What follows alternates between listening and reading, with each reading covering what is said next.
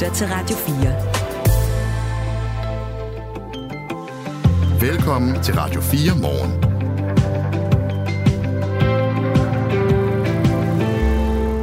Her i begyndelsen af skoleåret bliver der ofte taget de her traditionelle skolefotos, men bør man droppe den?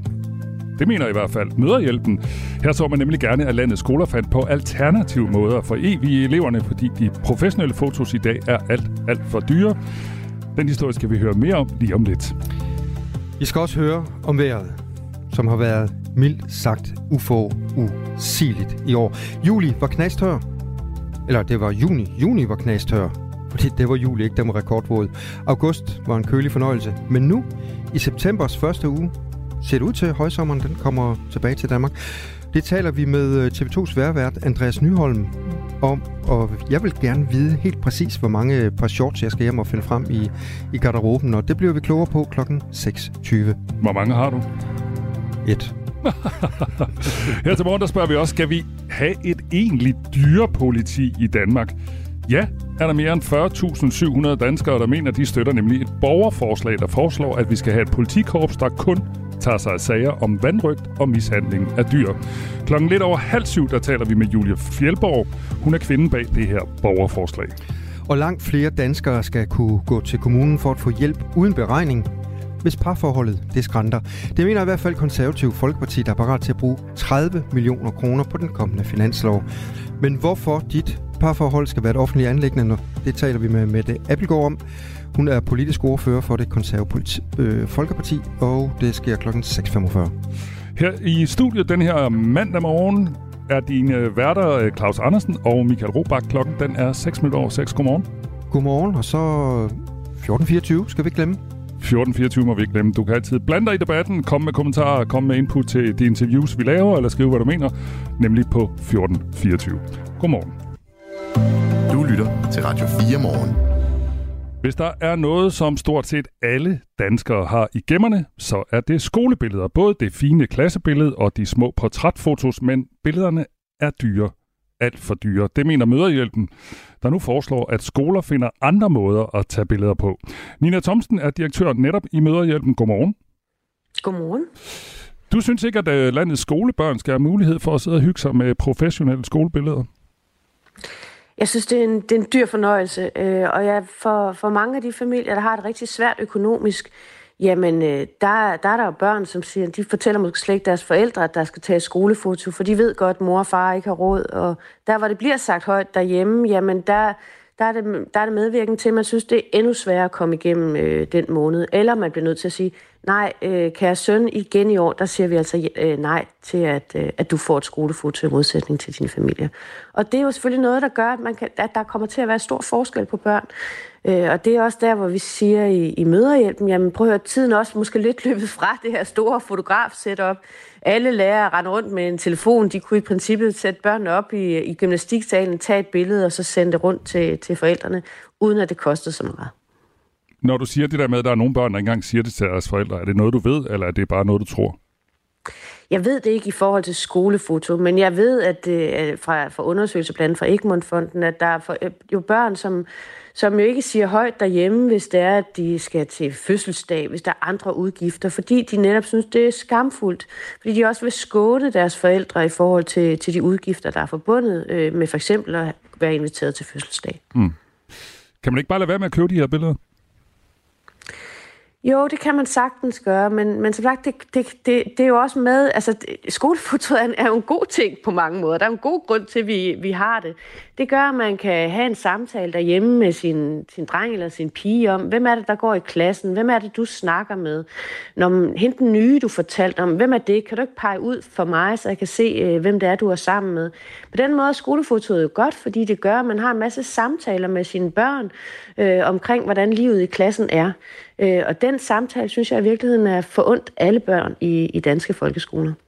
Så det du foreslår, det er, at der skal være en lærer eller en anden voksen, der tager sin uh, iPhone eller mobiltelefon eller fotografiapparat eller hvad man nu har, og så laver et gruppebillede, som alle så kan få på skolens regning.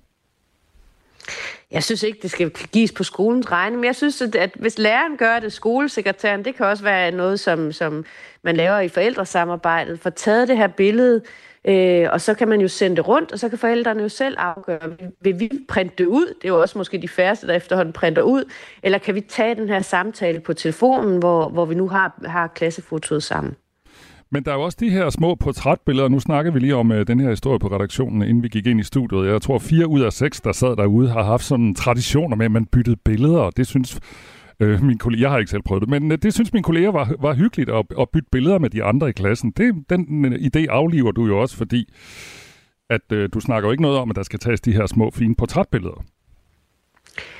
Nej, jeg tror, der er rigtig mange ting, man kan hygge sig med at bytte øh, rundt omkring i, i, i dag, hvor, hvor verden jo også er blevet meget mere digital. Så mm. jeg tror på en eller anden måde, det er måske også, jeg har også selv byttet billeder. Jeg tror måske, det er, sådan, er, er mere vores generation, der, der har haft den tradition, hvor, hvor verden ikke var digital, men analog på en, på en helt anden måde.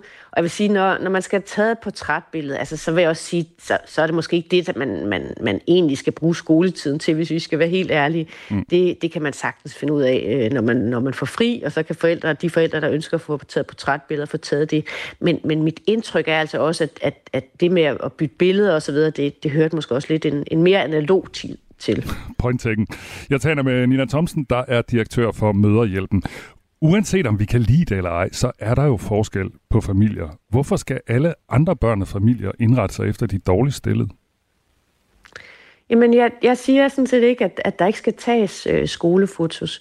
Øh, mit forslag er bare, at man på skolen siger, jamen prøv at høre, øh, i starten af skoleåret, der er det for eksempel øh, dem, de forældre, der er en del af forældresamarbejdet eller skolelæreren, så får de stillet børnene op i løbet af de første par uger, og så tager de det her skolefoto øh, som med deres telefon, eller det kan også være, at skolen har et kamera, som man kan låne op på kontoret, og så får man sendt det rundt, og så kan familien bruge det, øh, også printe det selv ud, jo, hvis, hvis de ønsker at gøre det. Så det er virkelig at sige, når man prøver at høre, skulle vi ikke gøre det på en lidt billigere måde, øh, som gør, at, at alle faktisk har råd til, til at få taget det her skolefoto. Hvis man har tre børn, jamen, så ryger det jo hurtigt op i 200-300 kroner per år, øh, som man har udgift til, til, til, til bare klassebilledet alene. Ifølge en opgørelse over priserne på skolefotos, som er lavet af politikken, så koster det i omegnen af 300 kroner for det, udbyderne kalder en basispakke. Øh, Nina Thomsen, vi bryster os jo tit af, at den danske folkeskole, den er for alle, og man kan møde alle slags mennesker der, både direktøren og den arbejdsløse. Er det ikke også en del af det med at gå i folkeskole, at man oplever, at der findes forskellige familier, der har råd til forskellige ting? Tro mig, det oplever øh, børnene i den grad også det er jo bare, når man bliver inviteret hjem til hinanden, så, så lægger øh, børn fra forskellige sociale lag jo mærke til de forskelle, der er.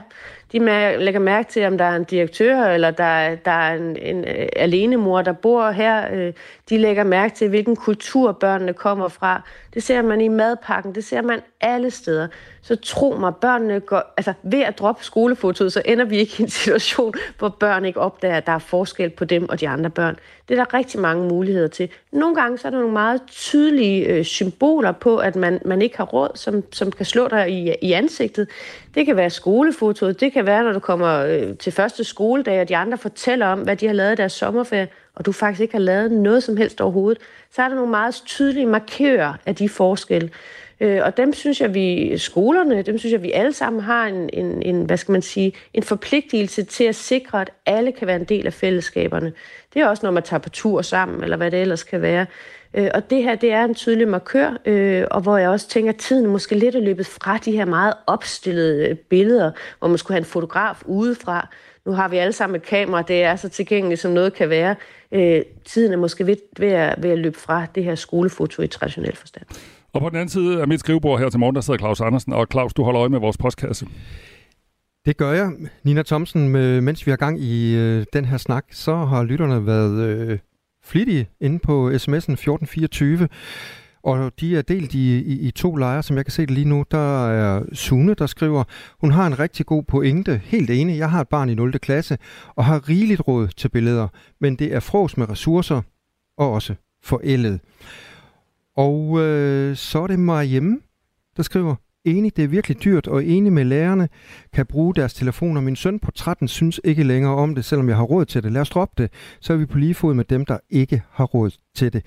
Og så er der Gitte, over i den anden lejr. Hun siger, ganske utroligt, at forældre skal fritages for alt ansvar. Der er vel beslutninger og overvejelser, der skal tages, når man avler børn, blandt andet skolefotos, og alle ved det, det står på Aula. Kommer de her øh, reaktioner bag på dig, øh, Nina Thomsen?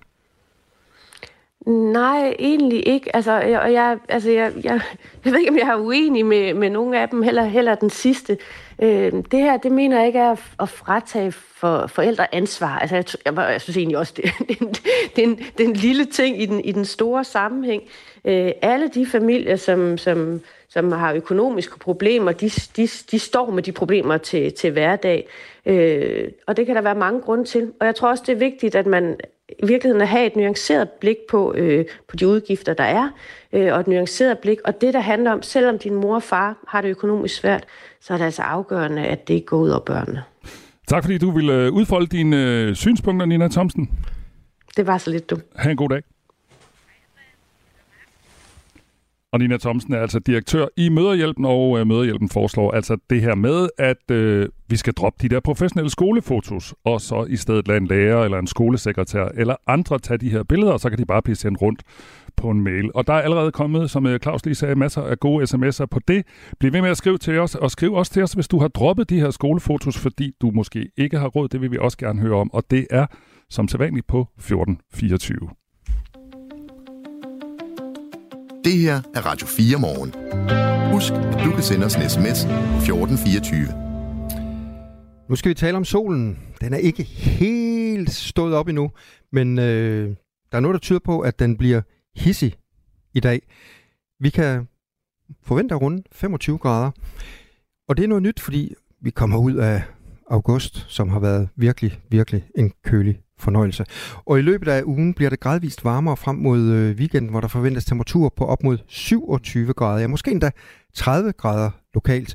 Andreas Nyholm, værvært og meteorolog hos øh, TV2. Godmorgen. Han er ikke med os endnu, Claus. Jeg kan se ude i vores øh, regi, der bliver arbejdet på at få fat i Andreas. Men det handler altså om den her historie, du også lige sagde, at øh, det har været noget af en vild sommer. Ikke? Altså juni, der sad vi og snakkede om øh, tørkepakker, og det var helt sindssygt knastørt. Ikke? Juli, der var alt glemt om de her tørkepakker. Den var våd. Den var, det var så nærmest efterår. fuldstændig efterårsagtig. Og så øh, august, som jo man tit tænker om, så kommer det gode vejr i august. Det har altså været en ret kølig fornøjelse. Og nu ser vi altså øh, frem mod, at der i den her uge kan blive op til 30 grader. Øh, og jeg skal lige finde ud af, øh, derude har vi en... Det ser sådan ud. Vi har, Han er klar nu. Han er klar nu. Han er klar på telefonen her. Øh, værsgo, Claus. Øh, tag den herfra. Godmorgen, Andreas Nyholm. Godmorgen. Vi havde lige lidt bøvl med at få fat på dig. Var du ude og se øh, solen stå op? Nej, jeg hørte det faktisk. Det var, jeg tror, det var digitalt og drillet, så jeg hørte godt uh, jeres oplæg med en lidt, lidt kølig udstad i august, så, så nu fungerer det igennem telefonen i stedet for igennem vores app. Så hvorfor er det, at øh, den her øh, højsommer, sensommer, det pludselig kommer til Danmark med fuld brag? Jamen, det er lidt en, øh, en tilfældighed. Det er jo sådan øh, altid øh, træls ikke at komme med en eller anden god forklaring, El Nino eller et eller andet øh, op i atmosfæren, men, men det er egentlig tilfældigt, at vi ser, at, at lige pludselig at højtryk stabiliserer vejret. Det er jo så øh, også på tide, kan man sige, for som I selv sagde, så har det været usædvanligt ustadigt både i juli og august. Der har vi ikke haft nærmest øh, fem sammenhængende dage med, med tørvejr. Så, så det er også på tide, at vi ser, at øh, der kommer den her højtryksstabilisering, som giver os ikke bare en eller to gode dage, men altså også, øh, som det ser ud lige nu, faktisk en hel uge med, øh, med, med sol. Og, og det er jo så det, der bliver usædvanligt. Faktisk reelt sommervejr her i september. Det er altså ikke hverdagskost med, med sommer i september. Personligt så holdt jeg selv øh, sommerferie i begyndelsen af august. Øh, det føltes nærmest som øh, efterårsferie. Hvor usædvanligt er det, at vi får de her dage, øh, måske en hel uge, som, som du lægger op til med 25 grader plus i september? Ja, men det, det er usædvanligt. Altså øh, normalt i gennemsnit, øh, når vi kigger på de sidste 15 år for eksempel, så har vi to dage med, med sommervejr. Det vil sige to dage, hvor vi kommer op på 25 grader eller mere.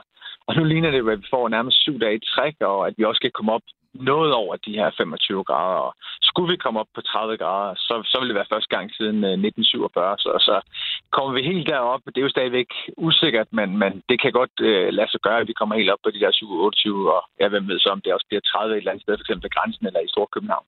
Så det er meget usædvanligt med, med så øh, mange dage, specielt hvis det også bliver et træk i september. Jeg kan se, at bare det, jeg har set tilbage de sidste 15 år, der har vi ikke set noget lignende. Så, så det er på en måde historisk varme, og øh, vi kommer til at opleve den her uge. Så med lidt hurtig øh, hovedregning, hvis vi når 30 grader den her uge, så er det første gang i 75 år, det sker. Ja, Hvor lang tid skal vi så regne med, at det her det var ved? Kan jeg med ro i maven uh, invitere til grillfest og tage shorts på uh, i weekenden?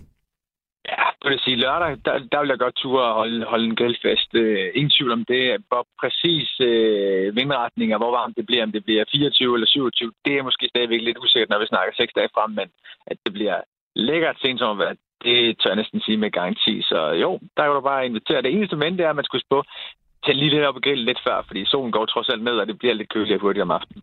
Ja, hvad så om natten? Jamen natten, det bliver ikke øh, koldt, det bliver sådan noget 10-15 grader, så det er jo øh, til at sove i heldigvis, også fordi natten er lang, men, men på ingen måde er koldt. Skal vi regne med nu, at øh, det her øh, varme vejr, det bliver sådan det, det sidste svirp med halen i, i år? Ja, man kan sige, øh, det, er jo, det er jo sandsynligt, at, at den her periode, vi kommer til at opleve, er noget, der skal nydes, og man skal komme på stranden, hvis man har mulighed for det, fordi det, det bliver nu, hvor, hvor det kulminerer, der er ingen tvivl om. Selvfølgelig, der kan også godt komme en, en dag i slut september. Ja, vi har faktisk oplevet i 2011, at vi havde en sommerdag i oktober, 1. oktober. Så det kan altså gøre, at vi får et puste varme til sidst, men, men øh, ja, sidste år havde vi ingen sommerdag i september, så jeg vil nok øh, gøre mit for at nyde den her uge og, og sørge for at, at komme ud og, og, og mærke det her dejlige varme vejr, vi har i den her september. Andreas Nyholm, øh, jeg sidder på den anden side af skrivebordet og lytter med på det her. Det lyder jo skønt alt sammen, men du ved godt, journalister de er jo sat i verden for at ødelægge den gode stemning. Øhm, vi har jo snakket rigtig meget om vildt vejr her øh, den her sommer på alle mulige måder med regn og tørke sydpå og brænde og alt muligt andet. Så nu, nu ødelægger jeg lige den gode stemning her. Har det her noget med klimaet at gøre, at vi nu får sådan en, en lille hedebølge i september?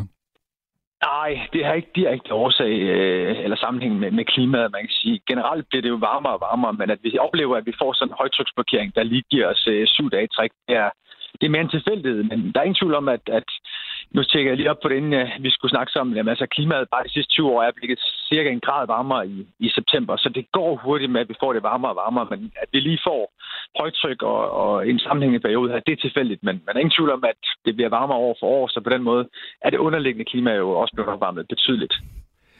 Andreas Nyholm, værvært og meteorolog hos TV2. Tak, fordi du var med til at løfte stemningen her til morgen. Selv tak. God dag. I lige måde. Jeg levede, jeg levede som kriminel i 6 måneder.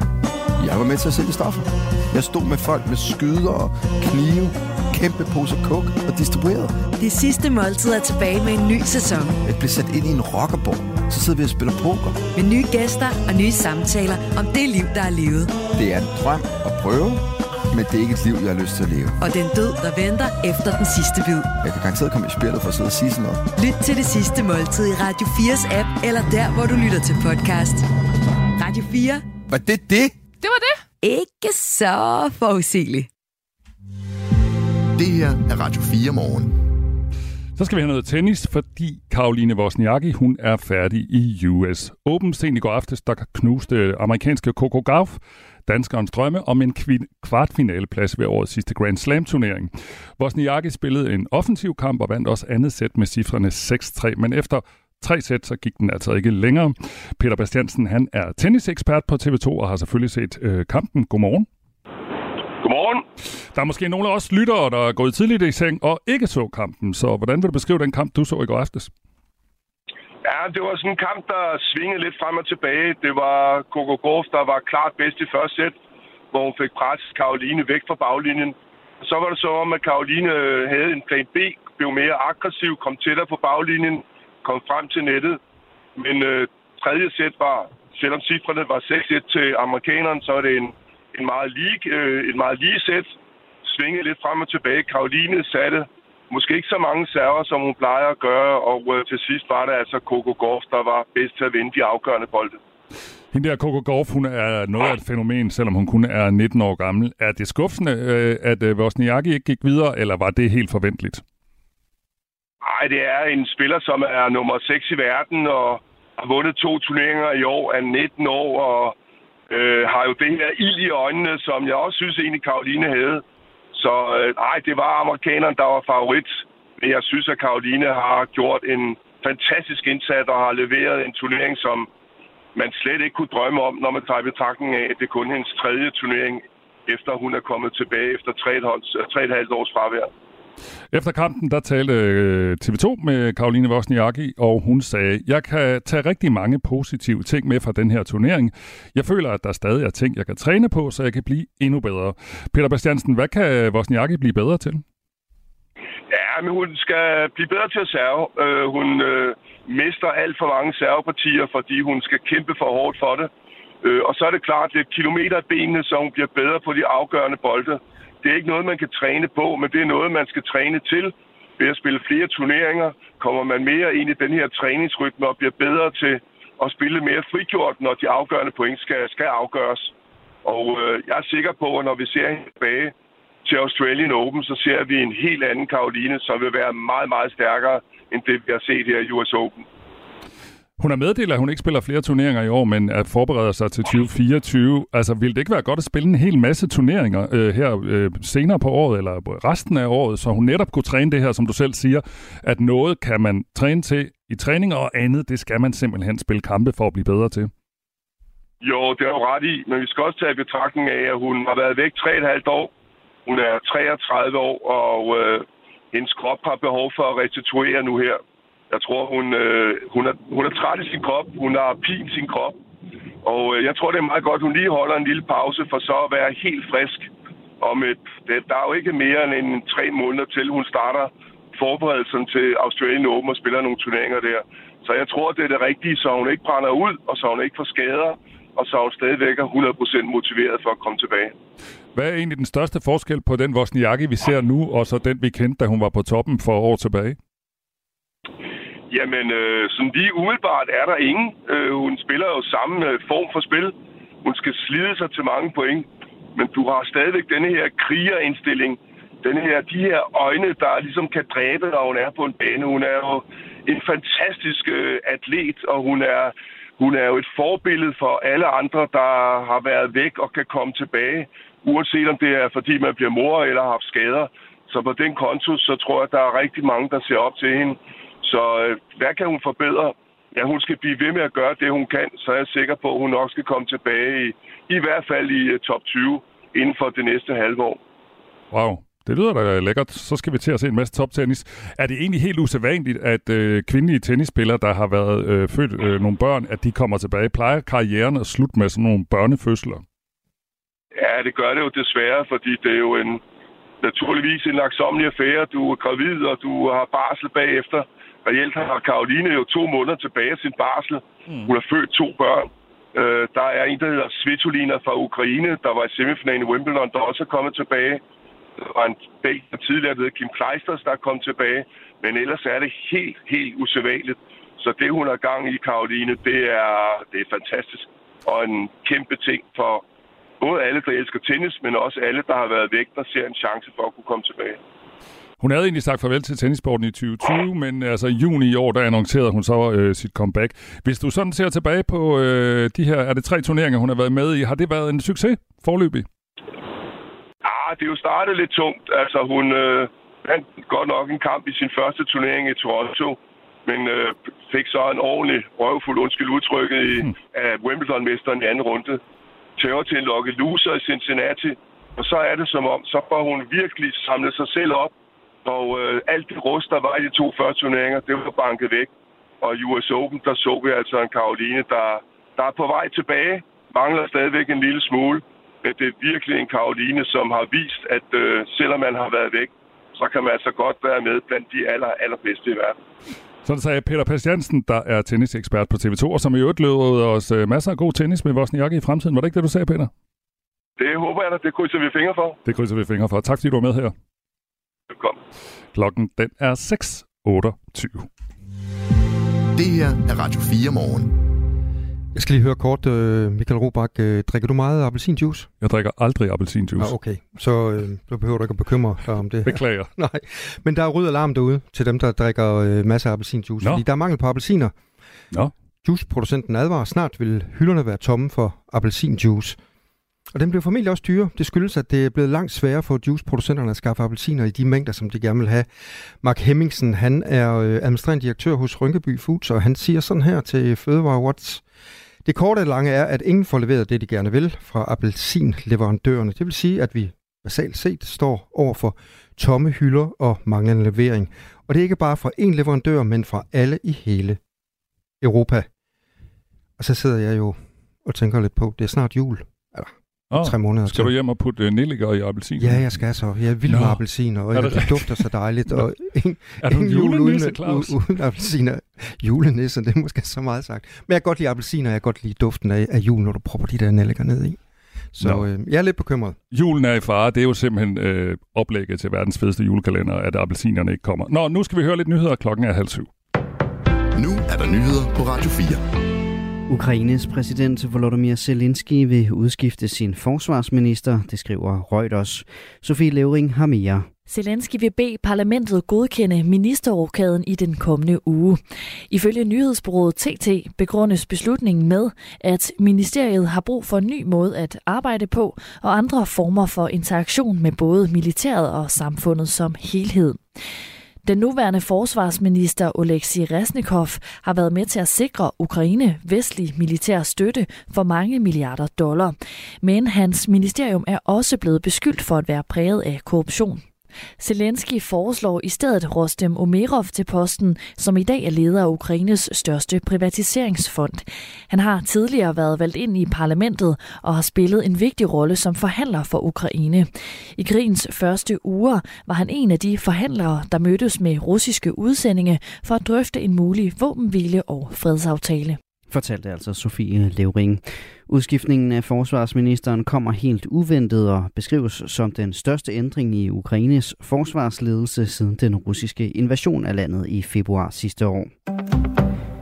Regeringen præsenterer inden længe en ny bandepakke, og i den vil en skærpet straf for såkaldt ydmygelsesvold eller dominansvold indgå. Det oplyser Venstre, der dog endnu ikke kan sige, hvor meget eller hvordan straffen skal skærpes. Ydmygelsesvold eller dominansvold har til hensigt at ydmyge offeret og eventuelt optage det på video og dele det. Lige nu kan den slags vold gå ind under paragrafen om simpel vold med en strafferamme på 3 år og grov vold med en strafferamme på 6 år, som dog i de fleste tilfælde ikke udnyttes helt. Hårdere straffe for ydmygelsesvold blev også foreslået i en bandepakke præsenteret af den daværende S-regering i august sidste år. Pakken nåede dog ikke at blive vedtaget før valget i november, men det omstridte forslag overlever altså i den nye. Fire amerikansk producerede militærbåde med ukrainske soldater er i nat blevet skudt i sænk af russiske luftfartøjer. Det hævder Rusland, hvis forsvarsministerium har beskrevet hændelsen på beskedtjenesten Telegram. Forsvarsministeriet hævder, at de ukrainske soldater havde kurs mod Kap Takhanukut, som ligger på den vestlige side af halvøen Krim. Krim blev i 2014 besat og annekteret af russiske styrker, og Rusland anser i dag øen for værende deres. Ifølge det russiske forsvarsministerium blev de amerikansk producerede både opereret af ukrainske soldater. Rusland melder ikke noget om, hvorvidt soldaterne er døde, og Ukraine har ikke kommenteret hændelsen endnu. I dag vender skoleeleverne i Frankrig tilbage til klasseværelserne efter en lang sommerferie, og ingen piger får lov at følge undervisningen, hvis de har valgt at iklæde sig den muslimske klædedragt af Baja. Det understregede præsident Emmanuel Macron forleden forud for det nye skoleår under et besøg på en skole i det sydlige Frankrig. Det skriver det amerikanske medie CNN. Men lægerne og skoleinspektørerne kommer ikke til at stå alene med håndhævelsen af forbuddet. De vil få hjælp af de franske myndigheder, forsikrede præsidenten. Og på landets gymnasier og fagskoler vil der være særligt personale, som har fokus på dialogen med de muslimske studerende. Forbuddet mod abaya i de offentlige skoler blev vedtaget af Frankrigs regering i slutningen af august. Landet havde i forvejen skrappe regler om, at religiøse symboler skal holdes ude af de offentlige skoler. Siden 2004 har det været forbudt at bære muslimske hovedtørklæder, kristne kors og jødiske kalotter i klasseværelset. Først på dagen lokale togbanker, men efterhånden klarer det op til en solrig dag og temperaturer op mellem 20 og 23 grader. Vinden den bliver svag til jævn. Det var nyhederne her på Radio 4 med Asbjørn Møller. Det her er Radio 4 morgen. Husk, at du kan sende os en sms på 1424. Langt flere danskere skal kunne gå til kommunen og få hjælp uden beregning, hvis parforholdet skrænter. Det mener i hvert fald det konservative Folkeparti, der er parat til at bruge 30 millioner kroner på den kommende finanslov. Hør hvorfor dit parforhold skal være et offentligt anlæggende, når jeg taler med Mette Appelgaard, der er politisk ordfører for det konservative Folkeparti, og det gør klokken kvart i syv. Og lige nu der er klokken 6.34, og din morgenværter den her morgen, det er Claus Andersen og Michael Robach. Radio 4. Ikke så forudsigeligt. Masser af danskere synes, vi skal have et dyrepoliti. Forløbig støtter 40.700 nemlig et borgerforslag, der netop vil have et særligt politi, som tager sig af misrygt af dyr. I borgerforslaget lyder det også, at det skal være nemmere at gribe ind i sager, hvor for eksempel hunde eller heste bliver vandrygtet. Bag det her forslag, der står Julie Fjelborg. Godmorgen. Godmorgen. Du er også formand for det, der hedder Hestens Værn, og så er du også dyrlæge på Københavns Universitets Dyrehospital. Allerførst, hvis man nu ser på listen over borgerforslag, så er der meget, meget få, der har fået mere end uh, øh, 1000 støtter. De fleste de ligger på sådan noget 300, 400, 500. Du har så mere end 40.000 støtter til dit forslag om et dyrepoliti. Ja. Hvordan, uh, hvordan har du det med det? Jeg er totalt målløs. Altså, jeg er utrolig glad. Øh, det er jo virkelig noget, der har... Øh, jeg har været i den her branche i rigtig mange år, så det er jo virkelig noget, der har Der kan man ikke sige, pint os, men det har været rigtig øh, triste ting, vi har set igennem årenes løb. Så det viser virkelig, at det er noget, at øh, alle borgere går virkelig ind for. Og vi håber virkelig på, at de sidste øh, 9.000 kommer ret hurtigt, og måske efter den her udsendelse. Ja, der, øh, man skal op på 50.000, så, øh, kommer ja, forslaget, så kommer forslaget ned i Folketingssalen. Lad os lige prøve at gå sådan ind i selve forslaget, altså det, du foreslår i dit borgerforslag. Du foreslår, at der skal indføres et dyrepoliti. Hvorfor det? Ja, men det er fordi, øh, vi gerne vil have... Altså, vi kommer for eksempel ud i hestens værn til rigtig mange sager om året, og vi ser på mere end 2600 heste. Og så 13, øh, eller vi har haft sidste år, havde vi 23 politisager i øh, hvad kan man sige, hvor heste blev aflivet på grund af, at de øh, havde det så dårligt.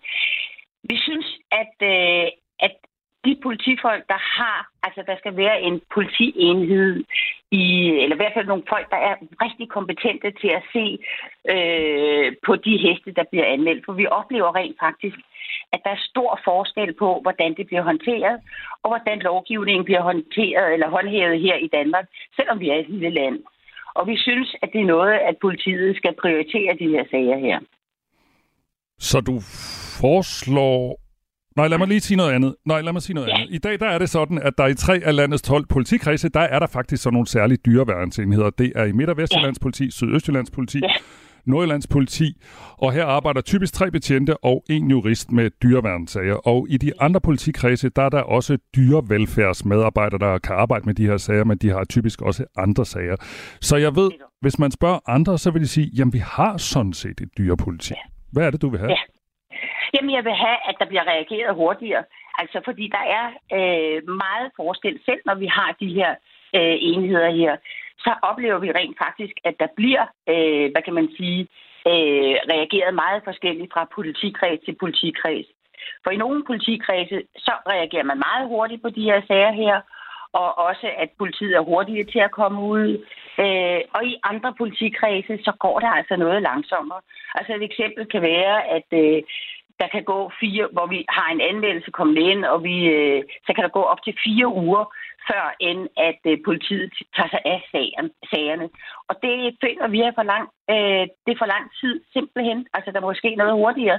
Der skal reageres hurtigt, og der skal være sådan, at øh, politiet dedikeret tager ud og kigger på de sager, når der kommer de her anmeldelser.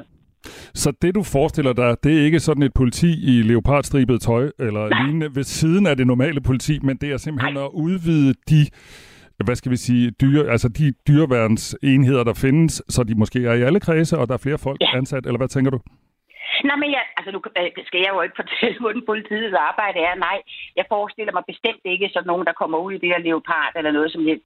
Jeg forestiller mig simpelthen, at det er folk under etaten, som er dedikeret med det her, og som kan gå ud som politifolk med den baggrund, som de nu har, og øh, have en vis viden om øh, dyrevelfærd og gå ud og øh, vurdere de her sager her. Så altså fuldstændig på linje med alt muligt andet, så skal de også bare have en vis øh, faglig baggrund for at vurdere, fordi det er også det, at vi ser, at der er stor forskel på. Nogle er utrolig gode og dygtige og har forstand på det, øh, og nogle har, der halter det lidt mere. Jeg har snakket med en, der hedder Henrik Fobian, som er vicepolitiinspektør ved Midt- og Vestjyllands politi, og i forhold til det der, du sagde før med sagsbehandlingstider, ja. og han siger til mig, at det er altså ikke noget, de har noget statistik over lige sådan på stående Nej. fod, men øh, han siger, at der er travlhed både i politiet og jo også hos øh, domstolene øh, i forhold til det, du sagde før med sagsbehandlingstid. Ja. Øh, jeg taler med Julie Fjeldborg, som er forslagstiller forslagsstiller bag det her borgerforslag om et egentligt dyrepoliti, og Julie er også formand for Hestens Værn og er også dyrlæge på Københavns Universitets Dyrehospital. Du har fået lidt post. Øh, der er en, der skriver her til dig, øh, Julie. Veterinærmyndighederne er i forvejen dyrepoliti i landbruget. Hmm. Øh, forstår du det spørgsmål? Nej, altså det er da rigtigt, at øh, altså, Nej, jeg, hvad? Prøv lige at sige det en gang til. Ja, der er en, der skriver til os, veterinærmyndighederne er i forvejen dyrepoliti ja. i landbruget, og jeg tænker, ja. det er det der med, at dyrlægerne har et vist tilsyn. Ja, med, Fødevarestyrelsen. Ja, præcis. præcis. Ja. Ja, jo, men øh, og det er også rigtigt, at øh, vi samarbejder jo, eller ja, vi ved jo, at politiet samarbejder med Fødevarestyrelsen i dyreværnssager også, ikke? Mm. Men også, også her øh, er der stor forskel på, hvordan at øh, Fødevarestyrelsens dyrlæger vurderer de her dyreværnssager. Så øh, hvad der for eksempel i en kreds øh, kan give bøder og pålæg, så vurderes det i andre til OK. Så det, det er jo igen denne her mere kontinuitet igennem øh, systemet, vi har brug for øh, i relation til det her, og derfor er det, vi har det her forslag. Mm. Nu skal vi ikke ned i den der, øh, dybt ned i hvert fald i den aktuelle sag fra Skals i Midtjylland, Nej, med det der hedder Studeri Vigård, hvor der har været Nej. anklager om vandrygt af heste, og hvor man senere fandt 50 nedgravede heste. Men jeg kan ikke lade være med at spørge dig, spiller den her sag ind i jeres borgerforslag alligevel? Jamen selvfølgelig gør den da det. Altså, man kan jo sige, jeg tror virkelig, det er også det, der har gjort, at vi har fået så mange øh, underskrifter på det her. Men det er virkelig en sag, øh, og netop igen, vi skal ikke gå ind i den, men der har vi jo prøvet at øh, anmelde den til politiet, og det, her, det er jo ikke første gang i forbindelse med hele det her opstået, at vi har meldt det pågældende sted til politiet, uden at der er sket noget. Øh, og det gjorde vi også i det her tilfælde. Og så fire dage efter, at vi havde meldt det, øh, i slutningen af juni, vi meldt det, så får vi at vide fra øh, politiet, at de har henlagt sagen, fordi man ikke kan bruge billeder. Og det er jo igen øh, sådan nogle sager der, hvor vi mener, at man skal komme ud, fordi der er jo virkelig en, et, en berettiget mistanke om, at der er et eller andet galt. Og 10 dage efter, så får vedkommende x antal pålæg, jeg ved ikke hvor mange. Mm. Men tænk bare på en, pål, en mellemlæggende periode, hvor mange ting, øh, eller hvor meget der kunne man ske med de her heste her, som vi også ved fra naboer og hvad det ellers kan være. Så ja, det er da helt klart, at denne her sag er spillet ind øh, på vores borgerforslag, men det er jo noget, vi har tænkt på meget længe. Mm. Du har fået en sms mere fra en, der hedder Jesper. Han skriver, at man bruger meget dyrepoliti i udlandet. Det koster en formue, så det er et spørgsmål, om der er sager nok til øh, så dyr en omkostning. Hvad tænker du om det? Jamen, altså det er jo igen, øh, vi har for eksempel øh, i 2022, der havde vi øh, 23 politisager, og øh, vi har, nu kan jeg jo kun snakke om heste. Øh, det her lovforslag, eller borgerforslag, gælder jo for alle dyrearter. Øh, der i øh, 2022 havde vi øh, omkring lidt over 200 sager, som drejede sig om 2500 heste, hvoraf at de der 200 sager der, 23 var politisager. Mm. Så det vil sige, altså alt, det er jo igen proportionerne. Øh, øh, der er jo heller ikke sikkert, altså vi kan jo ikke sammenligne det her, om det koster meget eller ej. Der er bare ikke nogen dyr, der skal lide, ligegyldigt om det er heste, hunde, katte, køer eller hvad det ellers er. Det har været muligt for almindelige danskere at komme med borgerforslag siden øh, 2018. Øh, hvis 50.000 personer støtter forslaget, så kan det blive fremsat som et beslutningsforslag i Folketinget. I alt er det sket 46 gange, og syv forslag er vedtaget på baggrund af et borgerforslag.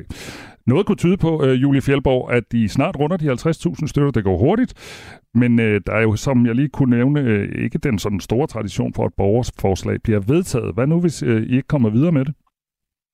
Jamen, så arbejder vi jo på trøstningsfuldt videre. Øh, dels inden for min egen organisation, Hestens Værn, men øh, også sammen med alle de andre. Altså, vi har jo et stort netværk øh, i relation til det. Øh, andre dyreværnsorganisationer, også inden for heste, eller for hunde, katte og hvad det ellers er. Vi arbejder videre. Vi giver ikke op. Altså, øh, og jeg tror også, at det her giver så meget fokus på, øh, at politiet, jeg tror jo også, at politiet selv har lyst til at få en bedre øh, baggrundsviden og, og kendskab til dyr generelt. Så øh, jo, jeg er sikker på, at det øh, med tiden øh, nok skal blive effektueret. Sådan sagde Julie Fjellborg, der er formand for Hestens Værn og dyrlæge på Københavns Universitets Dyrehospital, og er altså kvinden bag det her forslag. Tak fordi du vil være med. Altså lidt da. Ha' en god dag. I lige måde. Og vi ser på den her sag morgen igennem klokken halv otte, der breder vi historien ud og taler med dyrenes beskyttelse, og klokken halv ni, så skal vi høre om Venstres dyrevelfærdsordfører er klar til at oprette et egentligt dyrepoliti. Du lytter til Radio 4. Langt flere danskere skal kunne gå til kommunen og få hjælp uden beregning, hvis parforholdet skrænter. Det mener det konservative Folkeparti, der er parat til at bruge 30 millioner kroner på den kommende finanslov til et rådgivningstilbud, som i dag er tilgængeligt i fire kommuner som et forsøg. Og nu skal det her forsøg så rulles ud i yderligere 10 kommuner. Mette Abelgaard er politisk ordfører for det konservative Folkeparti. Godmorgen. Godmorgen. Hvorfor er det, at øh, det skal være et anlæggende for det offentlige, hvorvidt øh, mit parforhold det, det kan briste eller bære? I sidste ende vil det altid være op til dig og din partner, om dit øh, parforhold skal briste eller bære, men jeg mener, at vi som samfund har en interesse i at understøtte, at så mange familier øh, lykkes, og at så mange danskere jo naturligvis trives. Så vi kan jo bare se, at vi er øh, det land i verden med 10. flest øh, skilsmisser. Hver tredje barn oplever, at deres forældre går fra hinanden, og det ved vi har konsekvenser for øh, barnet. Øh, det kan det have i mange tilfælde. Øh, og derfor synes vi, det giver god mening at se på, hvordan vi kan sætte ind forebyggende. Det gør vi på alle mulige andre sundhedsområder øh, Øh, hvor vi overvejer, om pengene ikke bliver brugt bedre øh, tidligere frem for at behandle, så at sige, når skaden er gået galt. Øh, og der er rigtig meget evidens og forskning, der øh, peger på, at det giver god mening at gøre i forhold til at sætte ind med, med et forebyggende rådgivningstilbud til øh, de danske familier. Og så vil valget i sidste ende altid være dit, øh, men hvis vi kan forebygge øh, brud på den her måde, så synes vi, det er godt givet ud. Men hvordan er det, man går ind og, øh, og, og, og forebygger? Altså, mange gange er det jo svært at vide, øh, hvad det er, der går galt, og om der det hele tiden er noget galt. Nogle gange så sker det bare øh, ud af den blå luft. Den model, som vi foreslår udbredt til flere kommuner, det er den model, der hedder Vores Parforhold. Og den er udviklet i et ret unikt samarbejde mellem Aarhus Universitet og deres forskere der, og så øh, Center for Familieudvikling. Og det er velafprøvede metoder, som man har sat sammen i sådan et øh, pakketilbud. Og der er i virkeligheden tre trin øh, i det her øh, tilbud. Trin 3 er sådan en generel folkeoplysning, som kan være god for os alle sammen om, øh, hvordan man sikrer et godt forhold, og hvad for nogle faresignaler man skal være opmærksom på. Trin 2 er ligesom hjælp til selvhjælp. Det kan være video, det kan være podcast, det kan være forskellige øh, tilbud af, af den karakter. Og så er der endelig øh, for de, der har øh, aktuelt rådgivningsbehov, muligheden for digital øh, parterapi. Øh, så på den måde er det et tilbud, der bliver skræddersyet alt efter, hvor man er henne i sit parforhold. Det jeg hører, når jeg taler med de eksperter, det er, at for mange af de, der i dag henvender sig om egentlig parrådgivning, der er de ofte øh, for sent i processen. Altså, der står den ene med tasken på skulderen og er egentlig klar til at smutte, og så er det der, den anden er klar til at sige, okay, så tager vi noget terapi nu. Og der er det bare tit for sent. Men hvem er det, der skal gå ind og vurdere, hvornår det er rettidig omhu? Ja, det vil altid være den enkelte. Øh, det vil altid være den enkelte, det enkelte par, øh, den enkelte familie, der vurderer, om man har lyst til det her tilbud, og om man har behov for det. Men hvis man går ind øh, på den side, vores parforhold stiller til rådighed, så kan man blandt andet udfylde sådan en parforholdstest, hvor man svarer på nogle spørgsmål om ens hverdag og ens liv som, som par og som familie. Og så kan det være med til at give en svar på, om der er noget der, der indikerer, at man bør, bør være en del af sådan et projekt her. Så hvis jeg ikke synes, at øh, min partner er nærværende nok, øh, så skal jeg hejse det røde flag, eller hvad? Det vil jeg da foreslå dig at gøre, øh, men øh, det er jo op til, øh, til hver enkelt at, at, at tage den dialog i familien. Det vil jeg ikke blande mig i, men jeg synes jo, man har et ansvar i særdeleshed, når der er børn sat, sat til verden for at gøre, hvad man kan for at forebygge brud og forebygge skilsmisser. Vi ved, at unges mistrivsel eksempelvis, en af årsagsforklaringerne der, det er rent faktisk forældrenes skilsmisser. Det har ikke fyldt så meget i den offentlige debat. Der har vi snakket mere om præstationssamfund og alt muligt andet. Hvad kan vi gøre for at forebygge det? Men forældrenes skilsmisser har vi faktisk ikke snakket ret meget om, hvad vi kan gøre. Øh, og der er det her øh, et af budene. Jeg taler med øh, Mette Appelgaard, der er politisk ordfører for det konservative Folkeparti. Og Mette Appelgaard, det her øh, projekt, som du taler om, vores parforhold, øh, det har eksisteret siden foråret i år og består af inspiration og redskaber som eksempelvis video eller podcast, som kan hjælpe med at håndtere udfordringer. Derudover kan de par, der har det sværest, få professionel rådgivning, som du også har været inde på. Og i dag der er det her tilbud så gratis tilgængeligt øh, i fire kommuner. Det er Gentofte, det er Maja Fjord, det er Syddjurs og det er IKAST Brande Kommune. I vil så afsætte 30 millioner kroner til at udvide det her projekt. Det er altså kun 6 måneder på banen, og man har endnu ikke øh, målinger på, hvor god effekten er af, at det offentlige har sådan et tilbud. Så hvordan øh, kan I allerede nu sige, at øh, det er en god idé? Det her projekt det er udviklet, som jeg nævnte, af Aarhus Universitet og det her Center for Familieudvikling i samarbejde. Og selvom det samlede koncept Vores Parforhold kun har eksisteret i et halvt år, så de metoder, der indgår i vores parforhold, de er alle sammen veltestet og velprøvet, og der er evidens for, at de har en effekt. Så enkelte elementerne er velafprøvet. Den samlede pakke, hvor man laver den her trætrins øh, model, øh, den er ny, og den er indtil videre rullet ud, som du nævnte, i de her fire kommuner. Og vi har så et ønske om, at man skal få et endnu bedre grundlag for indsamle øh, denne her viden. Øh, og det er derfor, vi foreslår, at man i første omgang sætter en af, afsætter en pulje til de her, øh, på de her cirka 30 millioner øh, til at udbrede det til, til yderligere kommuner. Men Mette Appelgaard, det virker lidt som om, at I er, I er lidt for tidligt ude af, af starthullerne. Vi har talt med øh, direktør Mathias Støllen Due, der er direktør hos Center for Familieudvikling, som følger det her forsøg øh, nøje. Han siger, at forsøget det er begyndt godt, men det er alt for tidligt at konkludere, hvorvidt øh, forsøget virker eller ej. Så hvorfor bruge flere skattekroner på at øh, udvide til samtlige kommuner, når der ikke forelægger evidens på projektet endnu? Vi foreslår heller ikke at udvide øh, til samtlige landets kommuner. Det er ikke det, der ligger i det, vi har været ude at foreslå. Vi har foreslået en pulje på samlet øh, set 30 millioner, som løber over tre år, det vil sige 10 millioner årligt, hvor man har mulighed for at vil kunne udbrede det her til, afhængig af hvor stor øh, kommunen er, nok sandsynligvis i underkanten af, af 10 kommuner. Det vil give et bedre grundlag for at samle viden ind, og vi går bestemt ind for at arbejde øh, med på alle mulige måder respekt for skatteborgernes penge og evidensbaseret. Derfor giver det mening, at vi får det her bredt ud til yderligere kommuner, før vi laver, øh, så at sige, den helt stor udrulning. Men hvorfor, når der ikke øh, foreligger evidens på projektet? Jamen, der foreligger evidens for alle de enkelte elementer. Du kan også ringe til hende, der hedder Thea Trillingsgaard fra Aarhus øh, Universitet, som er øh, forskersiden, der er knyttet til det her projekt.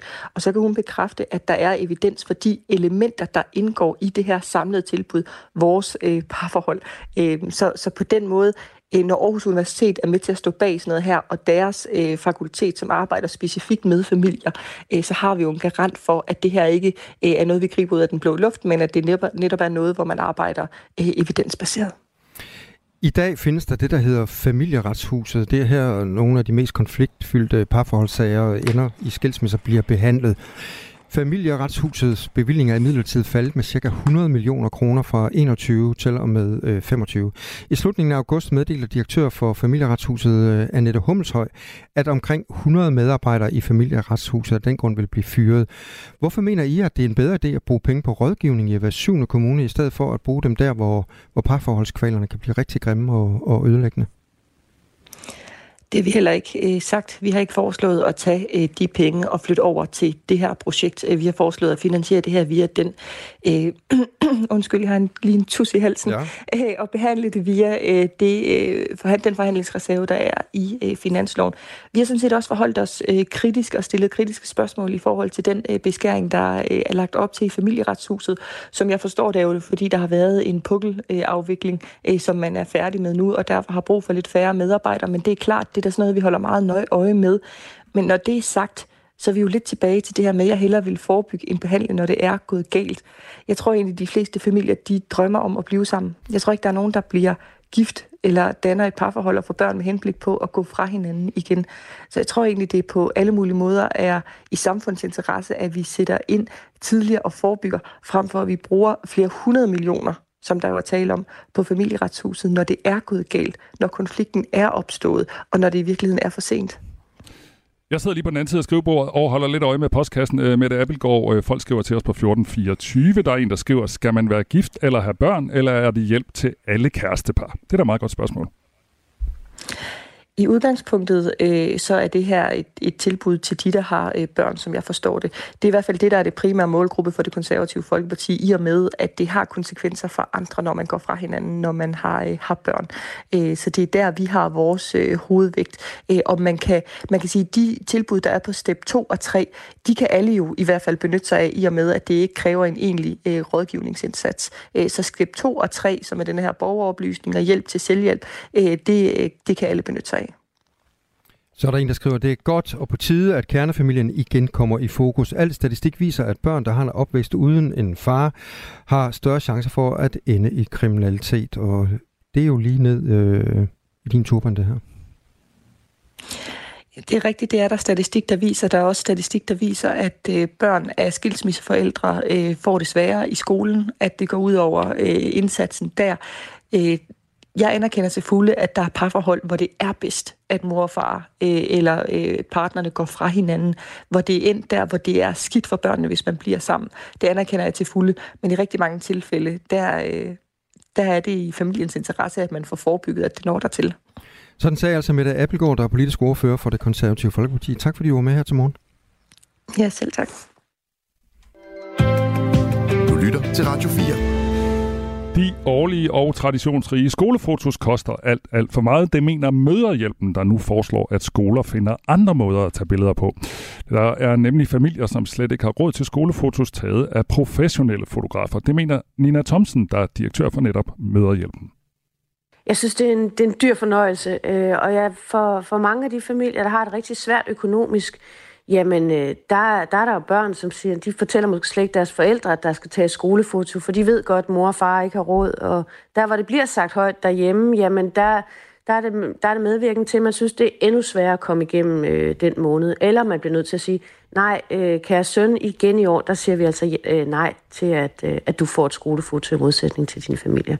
Og det er jo selvfølgelig noget, der gør, at, man kan, at der kommer til at være stor forskel på børn. Og derfor så foreslår møderhjælpen, at det bare er klasselæreren eller, eller en anden person på skolen, som tager billeder af eleverne, og ikke en professionel fotograf. Jamen prøv at høre, tiden også måske lidt løbet fra det her store fotograf-setup. Alle lærere render rundt med en telefon. De kunne i princippet sætte børnene op i, i gymnastiksalen, tage et billede og så sende det rundt til, til forældrene, uden at det kostede så meget. Nina Thomsen understreger, at hun synes, at skolefotos er en rigtig god ting, og netop derfor er det synd, hvis nogle familier vælger det fra på grund af økonomien skolefotoet er jo en god ting på mange måder. Der er en god grund til, at vi, vi har det. Det gør, at man kan have en samtale derhjemme med sin, sin dreng eller sin pige om, hvem er det, der går i klassen? Hvem er det, du snakker med? Når hente den nye, du fortalte om, hvem er det? Kan du ikke pege ud for mig, så jeg kan se, øh, hvem det er, du er sammen med? På den måde er skolefotoet jo godt, fordi det gør, at man har en masse samtaler med sine børn øh, omkring, hvordan livet i klassen er. Øh, og den samtale, synes jeg i virkeligheden er forundt alle børn i, i danske folkeskoler. Og den her historie, den øh, havde vi lidt om øh, tidligere på morgenen, og den har allerede afstedkommet en del sms'er. Lige nu er der en, der skriver, Legoland er også dyrt. Skal det forbydes? Men øh, lad os bare få nogle flere sms'er. Jeg tror ikke, at der er nogen, der er ved at forbyde Legoland. Øh, hvis du har valgt skolefotos fra, fordi de er for dyre, så må du meget skrive, øh, gerne skrive til os øh, en sms på 1424 og fortæl om de her overvejelser, man har, hvis man tænker, mm, det bliver altså lige uden mig, det her med de her skolefotos. Og Claus, os der er børn, vi ved jo godt, det faktisk er lidt dyrt. Vi har tidligere kunne fortælle, at sådan det, som de her fotografer kalder en basispakke, den koster omkring 300 kroner. Det er mange penge. Ja, det kan være mange penge i hvert fald i nogle familier. God øh, debat. Skriv til os på 1424, hvis du har nogle inputs. Du lytter til Radio 4 morgen. Så skal vi lige et øh, lille smut øh, til Sønderjylland og runde øh, en historie, som jeg... Du griner jeg, allerede, det er godt. Ja, men, nej, men den, den, det er ikke, fordi den er specielt sjov, Nå. men den er meget fascinerende. Okay. Jeg er i hvert fald blevet ramt af den. Det handler om et øh, anonymt brev til øh, Jyske Vestkystens øh, redaktion. Og det her brev, det har så pustet liv i en øh, gammel dansk morgåde. Den handler om øh, Antik Andersen, som han hed. Han var en meget kendt person i Sønderborg. Og i begyndelsen af 23, der modtog Jyske Vestkysten så et tip om, hvem der stod bag drabet på Antik Andersen. Øh, han blev slået ihjel den øh, 18. Februar 1967. Han fik tre slag i baghovedet, og de øvrige omstændigheder omkring drabet, det er altså så aldrig nogensinde blevet øh, opklaret. I 56 år har der så cirkuleret rygter og teorier om, hvem der begik det her drab på Antik Andersen. Og nu kommer vi så til det her anonyme brev, som altså puster liv i, i det, der blev til en af Danmarks største morgåder. Brevet er som sagt sendt til Jyske Vestkysten, og her i hævder afsenderen af kendnavnet på den person, som altså for 56 år siden dræbte den populære antikhandler. Adressen på den anonyme brev er håndskrevet, og den er formentlig skrevet af en ældre person, fortæller journalist Henriette Pilgaard. Det var hende, der modtog øh, brevet. Antik Andersen, som han blev kaldt, han var som sagt en kendt person i Sønderborg. Han havde en antikvitetshandel i Jernbanegade, og sad ofte foran butikken med sin hat og cigar. Drabet på ham udløste en af 100 største drabs efterforskninger. Rigspolitiets rejsehold rykkede ud, politiet fik flere end 1000 henvendelser og skrev 1200 rapporter, ligesom op mod 4.000 personer blev afhørt. Det er bare aldrig nogensinde opklaret, hvem øh, det var, der slog øh, Antik Andersen ihjel. Så i det her brev, der nævnes efternavnet på en mand, hans erhverv og en landsdel. Det var XX, der boede XX, der er skyld i Antik Andersens død. Hans efternavn var XX. Hans kone fortalte, at han var skyld i døden, står der i brevet. Og politiet, ja, de leder nu efter den her afsender. En sjov, fascinerende, spændende historie fra Sønderjylland, synes jeg. Leder de ikke efter XX fra XX, der hedder XX til efternavn? Jo, det gør de sikkert også, men måske håbe. er XX for længe siden død.